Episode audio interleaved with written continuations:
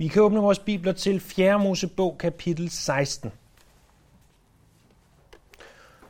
Og tro det eller lad være, intentionen i aften er at se på øh, hele kapitel 16 og næsten hele kapitel 17. Hvis nu man havde haft en engelsk bibel, så havde det givet sig selv endnu mere, for der er kapitel 16 noget længere end det kapitel 16, de fleste af jer sidder med i dag. I den danske bibel, der slutter kapitel 16 nemlig der, hvor vores kapitel 17, vers 15 slutter. Øh, og det vil sige, at kapitel 17 er fra, det var, der i vores bibel er kapitel 17, vers 17. Spørgsmål? Hvorfor? Amerikanerne er Fordi der er en større. Alt skal være større i Amerika. Der er en sammenhæng. Der er en sammenhæng. Andre rigtige svar? Nej. Det er fordi, det er fordi, at man i USA og England valgte for mange år siden at lave versifikationen efter den måde, som man øh, brugte i den græske oversættelse, eller i Septuaginta, som den hed. Derfor vil I se, når I ser, øh, kun i det gamle testamente vil jeg sige, når I kigger i det gamle testamente i en dansk bibel og i en engelsk bibel, så vil I se to forskellige versifikationer nogle steder. Ikke de fleste steder, men nogle steder. Her er en af dem. Øhm, og, og det gør altså, at, at versenummerering og kapitelinddeling er en lille smule anderledes, fordi man valgte at gå efter den græske oversættelse, hvor at man i den danske bibel valgte at gå efter den måde, man gør det i den hebraiske oversættelse. Så hvis man tager sin hebraiske bibel, så vil vi have den samme versifikation, som det så fint hedder. Det er blot en sideinformation, fordi jeg er selv førhen blevet voldsomt forvirret af det, når jeg skulle slå noget op i en engelsk bibel, og, og nogen sagde et vers, og det eksisterer slet ikke, og det er helt gak, og det forstår jeg slet ikke. Så vi ved ikke, hvornår kapitlerne her de foregår under ørkenvandring, men det er under ørkenvandring. Og de her to kapitler, de følger en lang række brok på brok på brok. Og for det ikke skal være løgn, så i kapitel 16 og 17, der kommer mere brok. Øhm, vi kan jo måske godt forstå, at i det, man befinder sig i ørkenen, at det ikke er det mest behagelige sted, og, og det skaber visse udfordringer for folket i det, de vandrer igennem ørkenen. Men at det skulle være i den her grad, og i det, de siger her, det er os en gåde, og så alligevel så ser vi os selv så ganske meget i de her kapitler. Men lad os prøve at tage hul på det. Og kapitel 16 begynder med, at der kommer en mand, der hedder Kora, og han tager en flok med sig, og det er de første 15 vers. Men lad os læse til nogle lidt mindre bidder, så vi når at forstå, hvad der sker. Kora, søn af Jeshar, søn af Kehat, søn af Levi, og rubenitterne Datan og Abiram, Eliabs sønner og Oren, Pelets søn, mødte op hos Moses sammen med 250 israelitiske mænd, menighedernes overhoveder, højt anset i forsamlingen, navnkundige mænd. Så vi har altså ham her Kora, og øh, han er af Levis stamme. Vi husker, at Jakob fik 12 sønner, og en af de sønner var Levi, en anden var Ruben, en tredje var Juda, og, og så videre.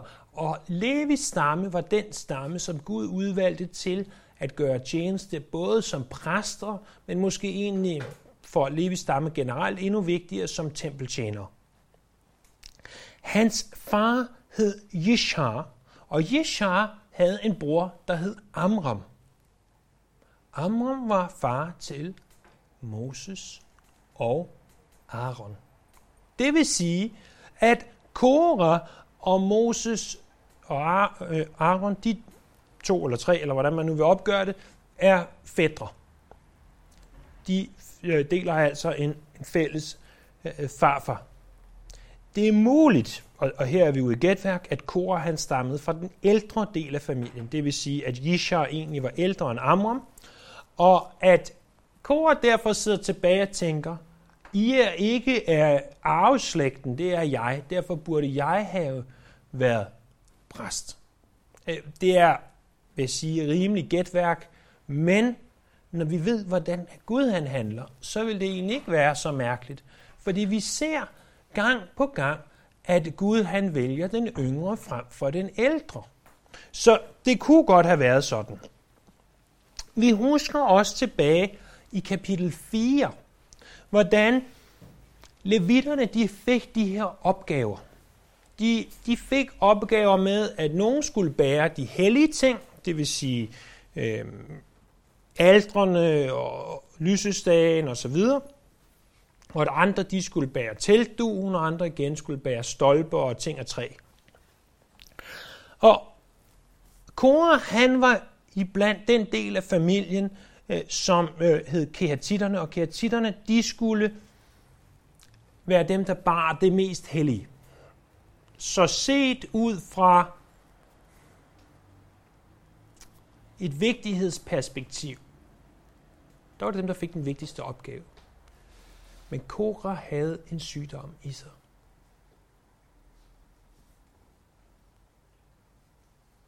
Han en sygdom, som mange af os har. Det er den samme sygdom, som konen i mudgrøften led af, hvis I kender den fantastiske gamle fortælling. Eller Diotrofes. I husker Diotrofes fra 3. Johannes brev. Diotrofes, han var den mand, der ønskede at være den første.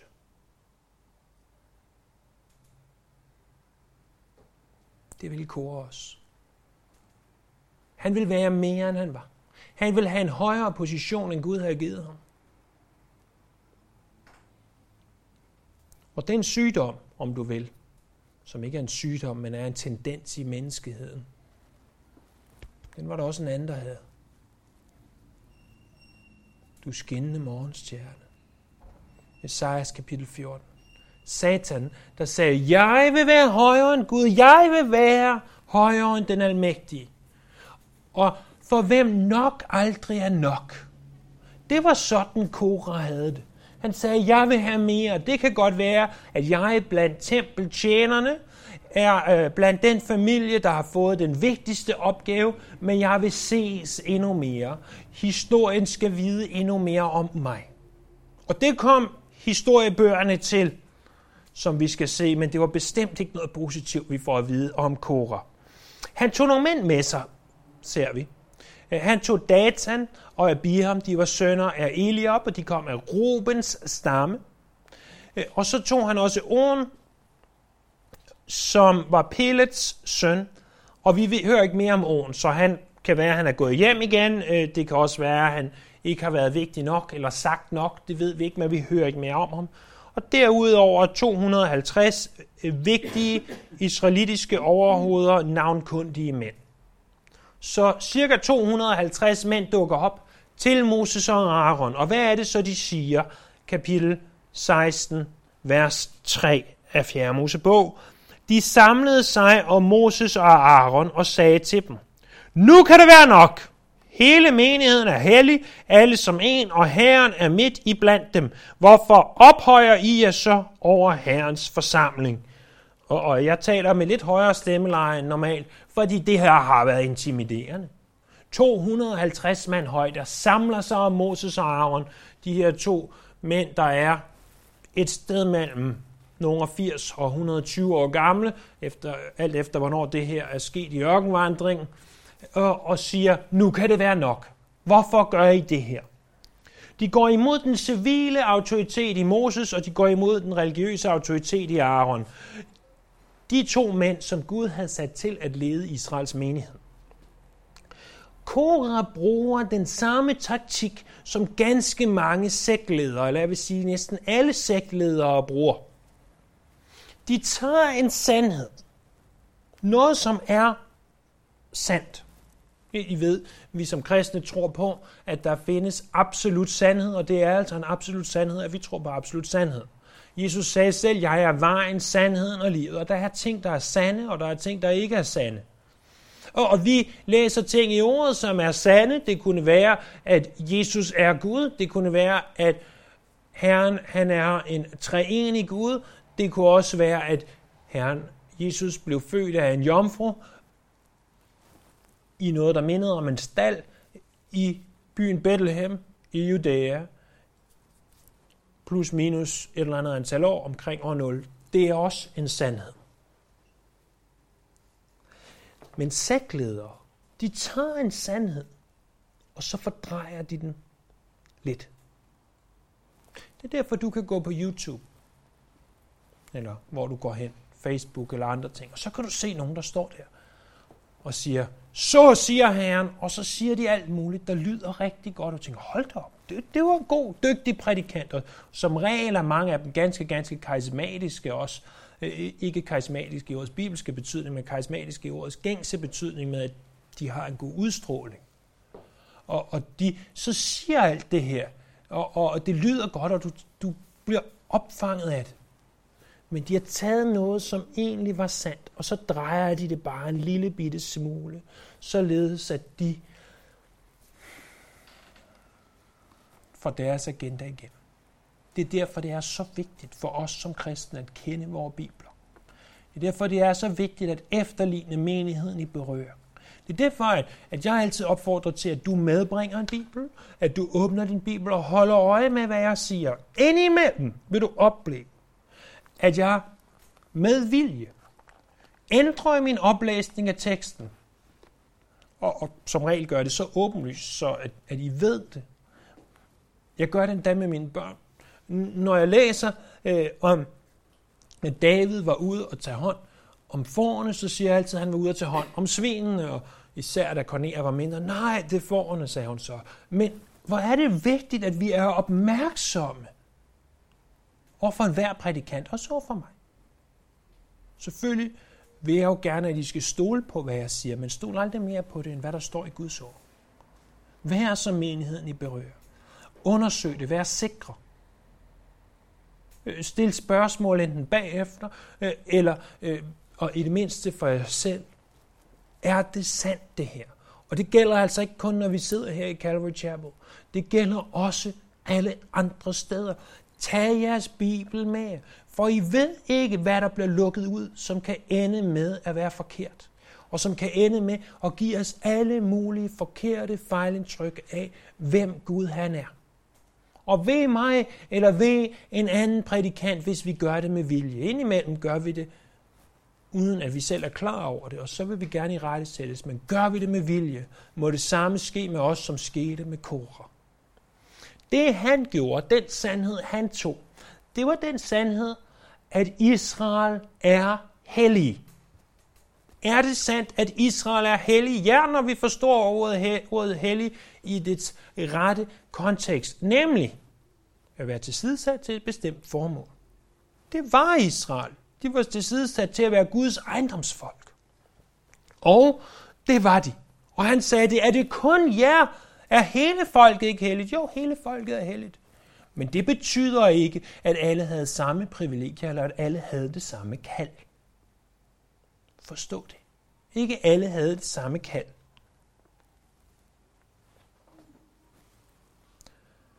Men det er det, de siger. I vil gøre jer selv til mere. I vil stille jer selv på en pedestal. Hvor at vi tror, at hele folket er kaldet til at være helligt. Ja, de er kaldet til at være hellige, men hvad betyder det? Det var det, som det gik på. Så ser vi videre i vers 4-7. Da Moses hørte det, kastede han sig ned. Det gør Moses i øvrigt ret tit. Derpå sagde han til Kor og hele hans flok, I morgen tidlig vil Herren give til kende, hvem der hører ham til, hvem der er hellig og må ofre til ham, den han udvælger må ofre til ham. Sådan skal I gøre. I morgen skal du, kore, og hele din flok tage fyrbækner, gøre ild på dem og lægge røgelse på for Herrens ansigt. Den Herren så udvælger er den hellige. Nu kan det være nok, levitter. Læg mærke til, hvad Moses siger. Den, den Herren udvælger er den hellige. Det var ikke både Kora og Datan og så videre af Biram. Det er den her, han udvælger, der er den hellige. Men Moses opstiller den her prøve, lidt som vi ser Elias gøre det på Karmels bjerg senere. Han siger, lad os nu finde ud af det her. Lad, lad os få det afgjort en gang for alle. Vi må alle sammen prøve at ofre til Herren. Moses vidste godt, at det var kun den, som Gud havde bestemt til at ofre til Herren, der måtte ofre til Herren. Så derfor vidste han også, at der var bogstaveligt talt at lege med ild, og billedligt talt at lege med ild, for det var det, de skulle gøre. De skulle ofre den her røgelse. skal nok komme tilbage til, hvordan de gjorde det om lidt, når når vi kommer længere ned i teksten. Vers 8. Moses sagde til kor, Hør nu, levitter, kan det ikke være nok, at Israels Gud har givet jer en særstilling i Israels menighed, og ladet jer træde frem og udføre arbejdet i Herrens bolig og forrette tjeneste for menigheden? Han har lavet dig og dine brødre og levitterne træde frem for sig, og nu forlanger I også præstetjenesten. Du og hele denne flok har i sandhed rottet jer sammen mod Herren. Hvad er Aaron, siden I giver ondt af jer mod ham? Så det var tydeligvis ikke nok for dem at have den her tempeltjeneste. De vil have mere. Og, og det her er for det første en lektion i, hvad det vil sige at tjene Herren. At tjene Herren er at tage sig til takke med og være trofast i den tjeneste, han giver os.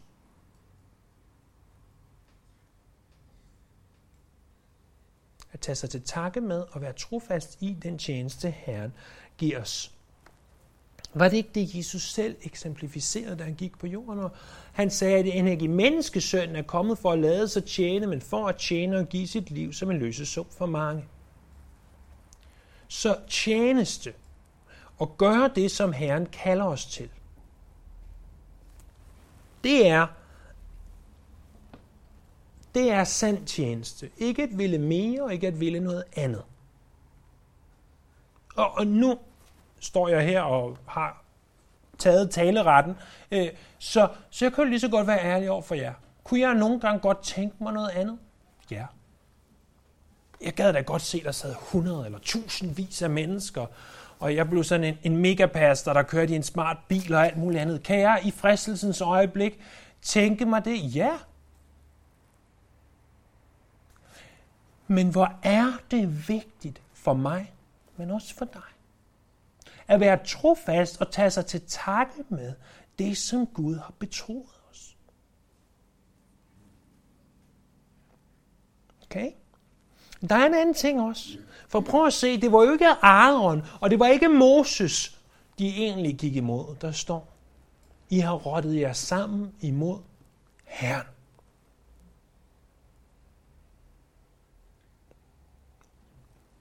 Og jeg er lige så skyldig i det her, som nogen som helst anden, der sidder i den her sag, er nok mere skyldig.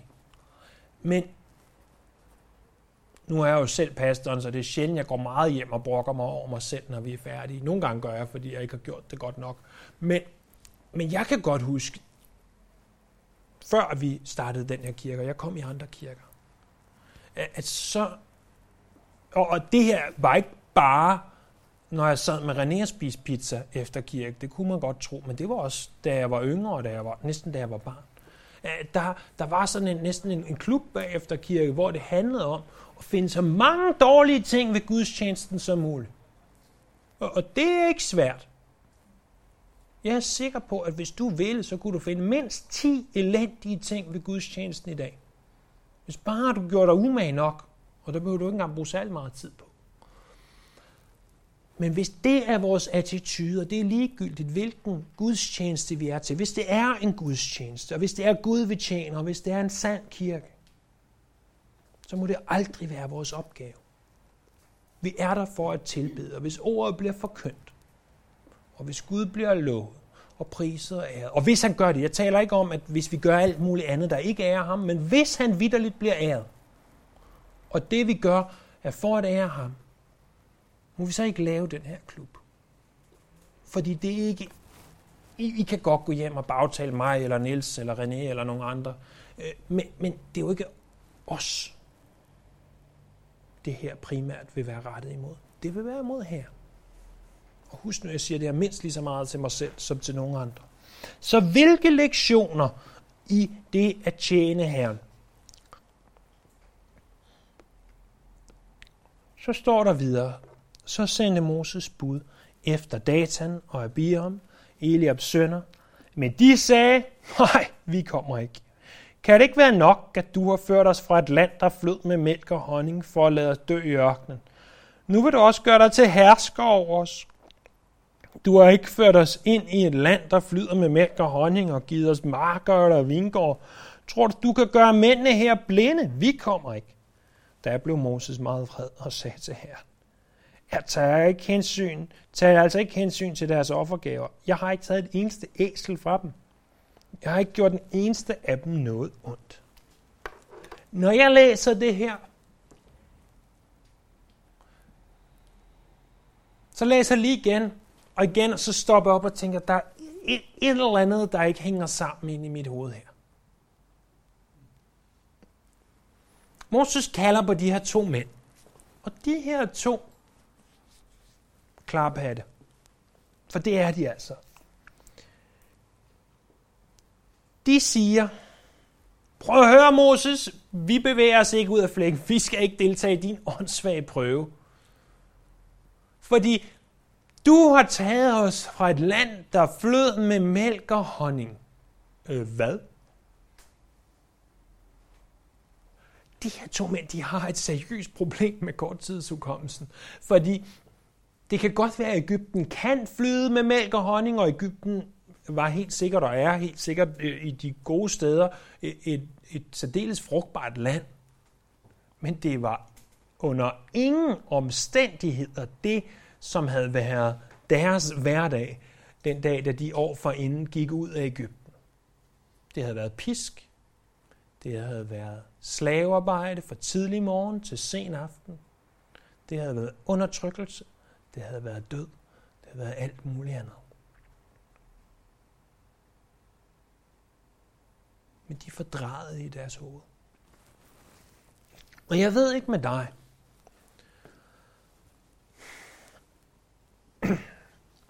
Men selv som kristne, tror jeg, vi kan have en tendens til at sige, i, i fristelsernes øjeblik, oh, tænk på den gang, før jeg var en kristen. Og jeg var død i mine overtrædelser og synder. Og jeg bare kunne leve i synd og ødelægge mig selv, og det var så godt, det var så godt, så godt, så godt. Jeg ved ikke, om I nogensinde tænker sådan. Men jeg tror ikke, det er unormalt. At vi glemmer simpelthen slaveriets jerngreb om os. Og at vi nu er sat fri i Jesus Kristus. Det gjorde de i hvert fald. Og så siger de til Moses, prøv at høre, du har jo ikke gjort alt det, du har lovet os. Du er, skal aldrig være vores leder. Og, og, og det er jo igen, hvad? Altså, det var jo Moses, der gik op til farao og sagde, let my people go og alt det der. Ikke? Og, og så fik de lov til at gå, og det var ham, der holdt staven over det røde hav, og ham, der var oppe på Sinai's bjerg. Du skal ikke være min leder. Det er han jo sådan på en måde allerede. Hvorom alting er, så bliver Moses vred. Ikke, jeg ved ikke, om han siger noget til dem, men han bliver i hvert fald vred. Og han siger til Gud, hvis de kommer med en offergave, og det er jo selvfølgelig det her røgelse, der skal offres, så må du altså ikke tage imod det, Gud. Det, det er simpelthen ikke godt nok. Jeg har aldrig stjålet et æsel fra dem. Hvorfor præcis han nævner et æsel, det ved jeg ikke, men det kunne der selvfølgelig gisnes om, men han har i hvert fald ikke øhm, draget nogen fordel fra dem eller af dem. Hvad sker der så? Så siger Moses til Kora i vers 16. Nu kommer øh, det her øh, afsnit ned til vers 33, hvor at Gud gør op med, med de her oprør. Moses sagde til Kor, i morgen skal du og hele flokken træde frem for Herrens ansigt sammen med Aaron. Hver af jer skal tage et fyrbækken, komme røgelse på, og I skal frembære hver sit fyrbækken øh, for Herrens ansigt i alt 250 fyrbækkener. Også du, Aaron, skal være tage sit, også du og Aaron skal være tage sit.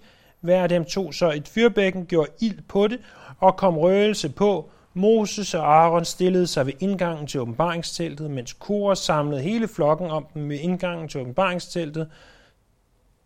Så viste Herrens herlighed sig for menigheden. Så de tager hver det her fyrbækken. Og hvad er et fyrbækken? Jamen, øh, vi kan sige, sådan hvis I kender de her, øh, Øh, en wokpande for eksempel, øh, så er det noget i stil med en wokpande, bare uden spisepinde til. Og, og de tager den her, øh, det her fyrbækken, hvor i de kan have, både bære ilden rundt, og de kan have røgelsen. Og, og det gør de så øh, alle 250, inklusiv Kora og øh, Aaron, præcis som der lige var 250 eller 252, det ved jeg ikke, men det var i hvert fald lige der omkring. Øh, og de kommer, gør sig klar til det her, de samler sig om indgangen til åbenbaringsteltet, ikke i selve teltet, for det vil der ikke være plads til, det var ellers normalt i selve teltet, man gjorde det her. Og så sker der noget. Så kommer Herrens herlighed. Og prøv at høre, venner, når vi læser ordet herlighed, så tænker vi, wow, det lyder dejligt. Men Herrens herlighed, når Herrens herlighed viser sig, så vidste de godt, at de skulle sige, åh, oh, oh. Det er ikke så godt. Herrens herlighed er det her alt inkluderende udtryk for alt, hvad Gud er. Det er, at han er alle steds nærværende. Det er, at han er alvidende. Det er, at han er almægtig. Det er, at han er hellig. Det er, at han er ren. Det er, at han er kærlig Og det er, at han er retfærdig. Og det er alt det på en gang. Og det er Gud, der viser sig. Og det er ikke noget, hvor man bare siger wow, det er også noget, hvor man råber hjælp. Og det burde de vide, for det er allerede sket. Og hvad sker der så? Vers 20. Og Herren sagde til Moses og Aaron, Træk jer væk fra flokken her, for jeg vil straks gøre det af med dem. Men de, altså Moses og Aaron, kastede sig ned og sagde, Gud, du Gud, der giver alle skabninger livsånde, lader du din vrede ramme hele menigheden, fordi en mand sønder? Herren øh, svarede Moses, sig til menigheden, der står omkring Koras, Datans og Abiams bolig, at de skal gå væk. Så Gud han ønsker øjeblikkeligt at udslette dem. Men hvad gør Moses og Aaron? De kaster sig ned og beder for de her brødre. Moses og Aaron, de har et ganske interessant argument. Er det virkelig rimeligt, at hele menigheden dør, når en mand har syndet? Kora, mener de selvfølgelig. Han er bagmanden bag det her komplot. Interessant nok var der 1400 år senere plus øh, minus en anden ypperste præst, der vil sige næsten de samme ord i Johannes kapitel 11, vers 50. Han sagde, er det ikke bedre, at en mand dør, end at hele folket dør? Og det sagde Kajfas om Jesus. Og så kommenterer Johannes interessant nok, at det sagde han ikke af sig selv. Det sagde han, fordi at han var ypperste præst derovre, og han profiterede, at det er bedre, at en mand dør, Jesus, end at alle, der er mig, ender med at dø i vores synd.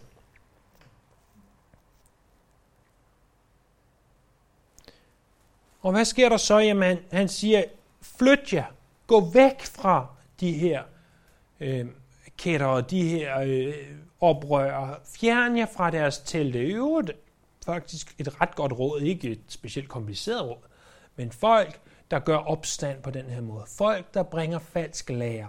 Fjern jer fra dem. Lad være med at snus til dem. Lad være med at have omgang med dem. Øh, øh, nu taler vi om øh, 3. Johannes brev. Jeg husker ikke lige nu, om det er 2. Johannes brev eller 3. Johannes brev. Men i en af de to breve, de er ikke så lange, det er de korteste breve i det nye testamente, så jeg læste dem eventuelt selv, men i en af de to breve, øh, der tales der om, at hvis der kommer en til din dør og bringer vranglærer, lad os sige for eksempel lørdag morgen, øh, så skal du ikke lukke dem ind. Det står der bogstaveligt talt. Lad være med at spilde din tid på det. Jeg tror, at få mennesker har fået en speciel gave og en speciel tjeneste til at tale med lad os bare sige det som det er, Jehovas vidner, eller mormoner, eller hvem det nu måtte være. Men de fleste af os, der vil det være et stort spild af tid.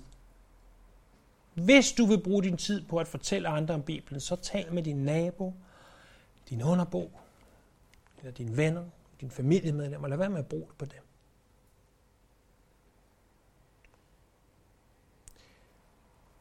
Fjern jer fra deres telt. Og hvad så? Så står der videre i vers 25. Moses rejste sig, gik hen til Datan og Abiram, fuldt af Israels ældste, og sagde til menigheden, Fjern jer fra disse ugudelige menneskers telte, og rør ikke ved noget, der tilhører dem, ellers mister I også livet på grund af alle deres sønder. Så gik de væk fra Koras, Datans og Abirams bolig, men Datan og Abiram gik ud og stillede sig i teltåbning med deres kvinder og børn, store og små. Moses sagde, sådan skal I erkende, at det er Herren, der har sendt mig for at gøre alle disse gerninger, og ikke noget, der kommer fra mig selv. Hvis disse mennesker dør ligesom alle andre mennesker, og hvis den skæbne, der rammer andre mennesker, også rammer dem, så er det ikke Herren, der har sendt mig, men hvis Herren skaber noget uhørt. Og jorden spærer sit gab op og sluger dem med alt, hvad de ejer, så de styrter levende ned i dødsriget. Så I ved, så ved I, at disse mænd har hånet Herren.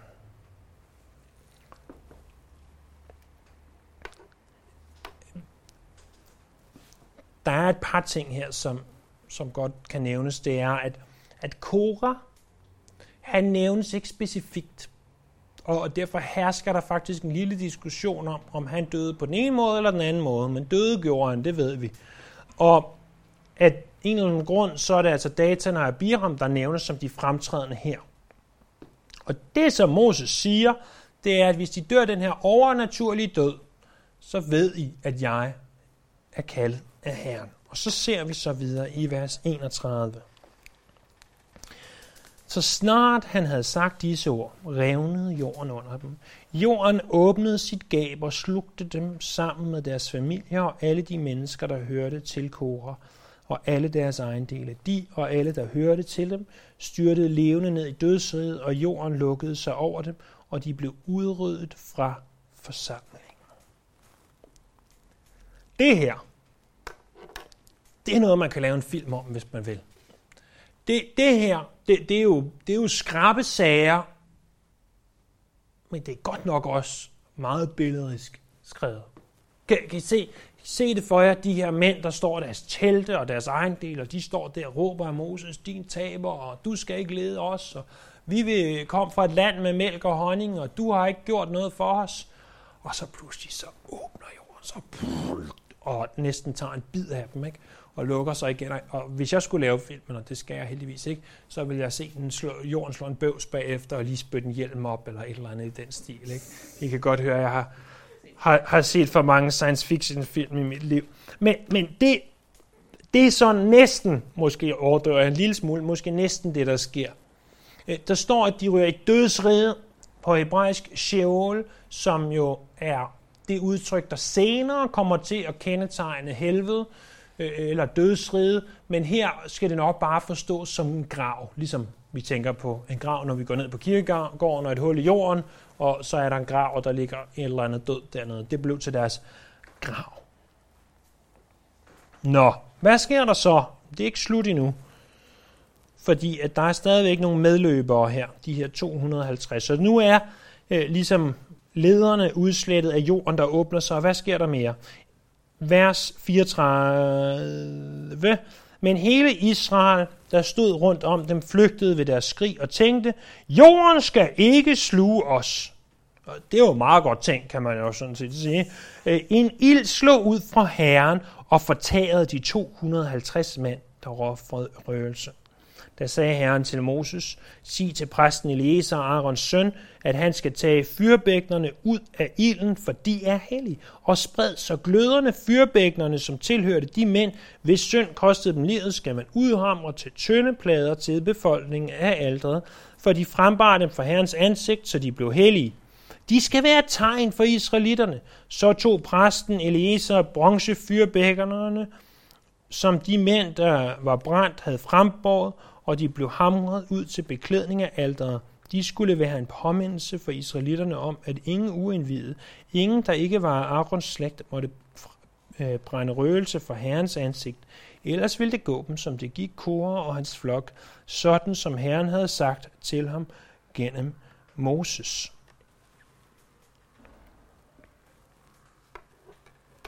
De her fyrbækkener, de var altså blevet hellige, fordi de havde været brugt i tabernaklet. Det var egentlig faktisk en lille smule unormalt, at det foregik på den måde, men det gjorde det altså.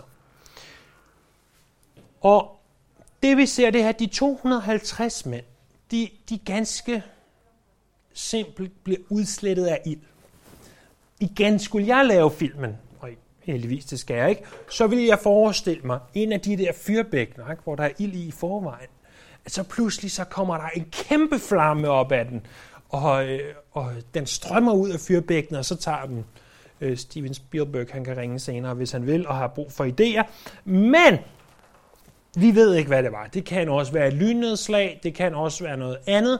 Men hvorom alting er, der kom en ild, der slog 250 ihjel, og fyrbækkenerne var tilbage, og de var altså blevet hellige, og de skulle bruges, så de tager dem, udhammer dem, altså hamrer dem flade igen, de her vokpandelignende skåle, hammer dem flade, op på øh, øh, bronzealter, således at de kunne sidde der som en påmindelse om, at du skulle ikke prøve på at gå ind og forrøgelse, hvis du ikke var Arons slægt.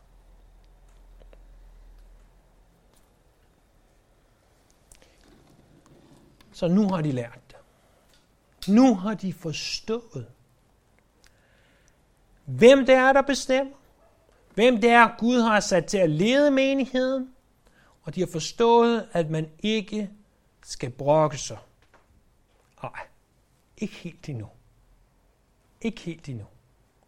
De her, de skal have det på den meget hårde måde. Lad os prøve lige at se, hvad der sker her. Videre i kapitel 17, vers 6. Den næste dag, Øh, vi taler ikke det næste måned, vi taler ikke det næste år. Vi taler ikke efter at have vandret rundt i ørkenen tre år mere og fået øh, væbler på fødderne og, og fået øh, og tørstet, og dit yngste barn er dødt af et eller andet øh, ørkensygdom. Nej, nej, den næste dag. Den næste dag efter. 250 mennesker blev dræbt af ild. Efter jorden åbnede sig noget uhørt og slugte Kora og hans kompaner. Den næste dag gav hele israeliternes menighed ondt af sig mod Moses og Aaron og sagde, det er jer, der har dræbt herrens folk. Øh, nej, det var jorden, der åbnede sig, og en ild, der kom ud. Men okay, fair nok. Men da menigheden samlede sig, og Moses og Aaron vendte de sig mod åbenbaringsteltet og se, skyen dækkede det. Og herrens herlighed viste sig. At de ikke forstår det, ikke? Moses og Aaron trådte hen foran åbenbaringsteltet, og Herren talte til Moses og sagde, fjern jer fra flokken her, for jeg vil straks gøre det af med dem. Og de kastede sig ned. Da sagde Moses til Aaron, tag din AK-47 riffel og skyd de her fjolser, for nu har vi fået nok. Se, det er der, hvor I skal holde øje i jeres bibler, fordi det, det er der, hvor jeg lidt gør det bevidst, både for at se, om nogen sover, men, men helt ærligt, også fordi, at det næste, der står, det er for mig så overraskende og så modstridende med vores menneskelige natur. Vores menneskelige natur i det her ville være og har taget deres AK-47 rifler, eller stenslynger, eller hvad de nu måtte have haft, og sagt, Moses sagde, nu er det nok. Gud, send nogle flere lyn. Udslet dem.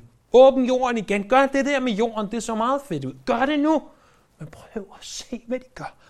Det får næsten tårne frem i øjnene af mig, for det er så vildt. Da sagde Moses til Aaron, Tag fyrbækkenet, læg ild fra alteret på det, og kom røgelse på. Gå så hurtigt hen til menigheden og skaf soning, for Herren har sluppet vreden løs. Plagen er brudt ud. Aaron tog fyrbækkenet, sådan som Moses havde befalet, og løb midt ind i forsamlingen. Og der var plagen allerede brudt ud blandt folket. Han kom røgelsen på, og på den måde skaffede han folket soning. Han stillede sig mellem de døde og de levende, og så stansede plagen.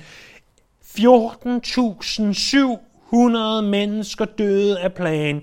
Dertil kom de, der var døde på grund af korer, Da Aaron vendte tilbage til Moses ved indgangen til åbenbaringsteltet, var plan stanset. Det her, venner, det er ledere af den højeste klasse. Det her, det er Guds mænd, der er sat til at lede menigheden. At selv når folket brokkede sig igen og igen og igen, og den næste dag, så hævde de ikke deres AK-47 rifler frem og sagde, nu er det nok. Nej. Så satte de deres eget liv på spil og løb ind mellem de levende og de døde for at zone. Kan I huske sidste onsdag, vi talte om, hvad zone betyder, hvad det betyder, når vi formilder Guds vrede. Det var det, de gjorde. Det var det, Aaron gjorde. Det er en sand leder. Det, det, det er sådan, jeg ønsker at lede over Gud, om jeg kunne. Og det er sådan, du må lede, der hvor du er sat til at lede, hvad enten det er i en familie, eller det er et andet sted. At vi må kaste os mellem bussen på vejen og børnene, der er ved at løbe derud. Ikke kun så bogstaveligt, men også i alt muligt andet. Og, og en ting er det her. Men hvad med vores hedninge, hedenske familie, der spotter os og håner os? Vil vi kaste os selv mellem dem og Gud? Og bede for dem, og gå i forbøn for dem, som Aaron gjorde det her, for røgelsen er et billede på forbøn, ved vi fra flere andre steder, blandt andet åbenbaring. Vil vi gøre det? Vil vi gøre det? Hvilket billede på, hvordan en leder må være. Men endnu mere, hvilket, hvilket portræt af, hvordan Jesus er. Jesus kastede sig selv imellem de døde og de levende. Han kastede sig selv imellem dig og Guds vrede. På det kors den dag, på Golgata, på en bakke langt, langt væk. Der hang han og sagde, jeg soner, jeg betaler, jeg formidler for Guds vrede. Og venner, hvis det ikke er evig grund til at tjene at tilbede ham, at bede til ham, at, at leve for ham, så ved jeg ikke, hvad der er en grund til noget. Det er altså kun på grund af det kors, at du overhovedet har en chance for at stå foran en almægtig Gud en dag.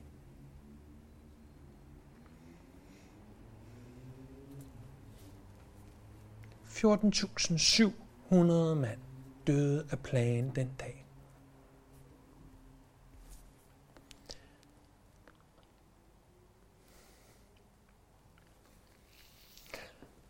Til sidst her i kapitel 17. Herren talte til Moses og sagde, sig til israelitterne, at du skal have en stav for hvert fædrene huse, for alle overhovederne for deres fædrene huse, 12 stave i alt. Du skal skrive hver enkelts navn på en stav. Arons navn skal du skrive på Levis stav, for der er kun en stav for hver stammes overhoved. Du skal lægge dem i åbenbaringsteltet foran vidensbyrdet, der hvor jeg åbenbarer mig for jer.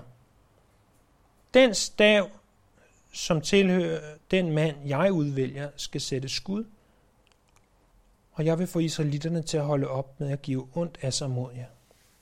Så slipper jeg for at høre det. Det sagde Moses til israelitterne, og alle deres høvdinger gav ham en stav. En stav for hvert overhoved for fædrene husene i alt 12 stave. Arons stav var blandt dem. Moses lagde stavene for Herrens ansigt i vidnesbyrdets telt. Egentlig er det ikke så, så svært at forstå, hvad der står men bare lige for at opsummere det. 12 stave, en for hver stamme. Og, og så skriver de navnet på lederen af hver stamme. Og så tager de de her 12 stave, og dem lægger de foran vidnesbyrdet, altså foran pagtens ark, sådan forstår jeg det, hvor at Gud han øh, jo viser sig foran hans ansigt. Og så står der den stav, som tilhører den mand, som Gud han udvælger og har udvalgt til at lede, Øh, den vil blomstre. Den vil blomstre øh, som et mandeltræ. Og så prøv at se, hvad der skete. Da Moses dagen efter gik ind i vidnesbyrdets telt, havde Aaron stav, staven for Levis hus sat skud. Vi taler altså om en død stav, øh, der ikke ligger i vand, og som sætter skud, men det er ikke nok. Den havde fået blomster på en nat, og den bare modne mandler. Jeg ved ikke vildt meget om mandler andet, end man kan købe dem nede i supermarkedet, de er totalt overpriced. Men jeg forestiller mig ikke, at mandler normalt kan gro ud på en nat. Det er ikke sådan min opfattelse af det, jeg har kunne læse mig frem til om mandler. Øh, men det gjorde de altså. Fordi Gud sagde ikke bare, ja, jeg har sådan måske udvalgt arven, der sidder et lille blad, der kunne tolkes som om, at jeg har udvalgt arven. Nej, nej, I får hele pakken. I får blade, I får blomster, og I får mandler. Mandelblomsten skulle efter sine være ganske, ganske smuk. Og vi læser også om det her med mandeltræ i Jeremias kapitel 1. Øhm, og og det kommer altså til at stå soleklart, at det er Gud, der har udvalgt Aaron. Vers 24, så tog Moses alle stæverne, der lå for Herrens ansigt, ud til israelitterne, og de så på dem, og de tog hver sin stav, men Herren sagde til Moses, læg Arons stav tilbage foran vidensbyrdet, for den skal opbevares som tegn for genstridige, og få dem så til at holde op med at give ondt af sig, så jeg slipper for at høre det, ellers så dør de. Moses gjorde sådan, som Herren havde befalet ham. Prøv, prøv lige ganske kort her til slut. Forestil jer at være de her 12 mænd, ikke? og så kommer Aaron ud her, Ruben stamme, der er din stjerne, Nå, det var, ser ikke så spændende ud. Og her, eh, stamme, nå, det var godt nok en kedelig fortælling, en gammel tør gren. Og så, så kommer de ud med Arons stav. Her, Aron. Her er din stav. Der er blade, der er blomster, der er mandler. Her, Aron. Og de andre, de står bare, okay, der, der er altså enten har de lavet et trylletræk ind i det der telt, eller også har Gud virkelig gjort noget. Og jeg forestiller mig, at de forstår, at Gud virkelig har gjort noget. Vi hører i hvert fald ikke om, at der opstår samme form for brok efter det her. Og, og nu, nu er det ligesom, det står klart, at Gud havde udvalgt Aaron til at være ypperste præsten i Israel, og, og selvfølgelig senere hans slægt. Øhm, det, det har altså været svært for, for dem at acceptere det her valg. Og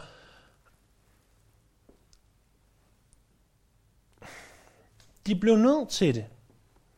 De blev nødt til det til sidst, men det ligger altså i menneskets natur, som det gjorde i Kora. Så ønske at bestemme, at ønske at være som Diotrofes, at være den første. Og må det aldrig blive sagt om os. Når, når vi fristes til det, må Herren så ydmyge os og minde os om, at den største i Guds rige er den, som tjener. Han må være alles tjener. Det var det eksempel, Jesus han gav os. Og, og det er også det eksempel, Moses og Aaron viser, når de kaster sig ned og prøver at stoppe planen. Når de kaster sig ned og beder, ej, vil du ikke nok skåne dem, Gud? De havde et hjerte for de her mennesker. Lad os bede. Her, øh, vi takker dig, at vi kan få lov til at høre dit ord. Øh, og vi beder om, at de her ting må bundfælde sig i vores hjerter. Og vi må forstå det og høre det og lære, hvad der er for dig her at vi må kende dig bedre og forstå bedre, hvad der er din vilje. Til din ære. Amen.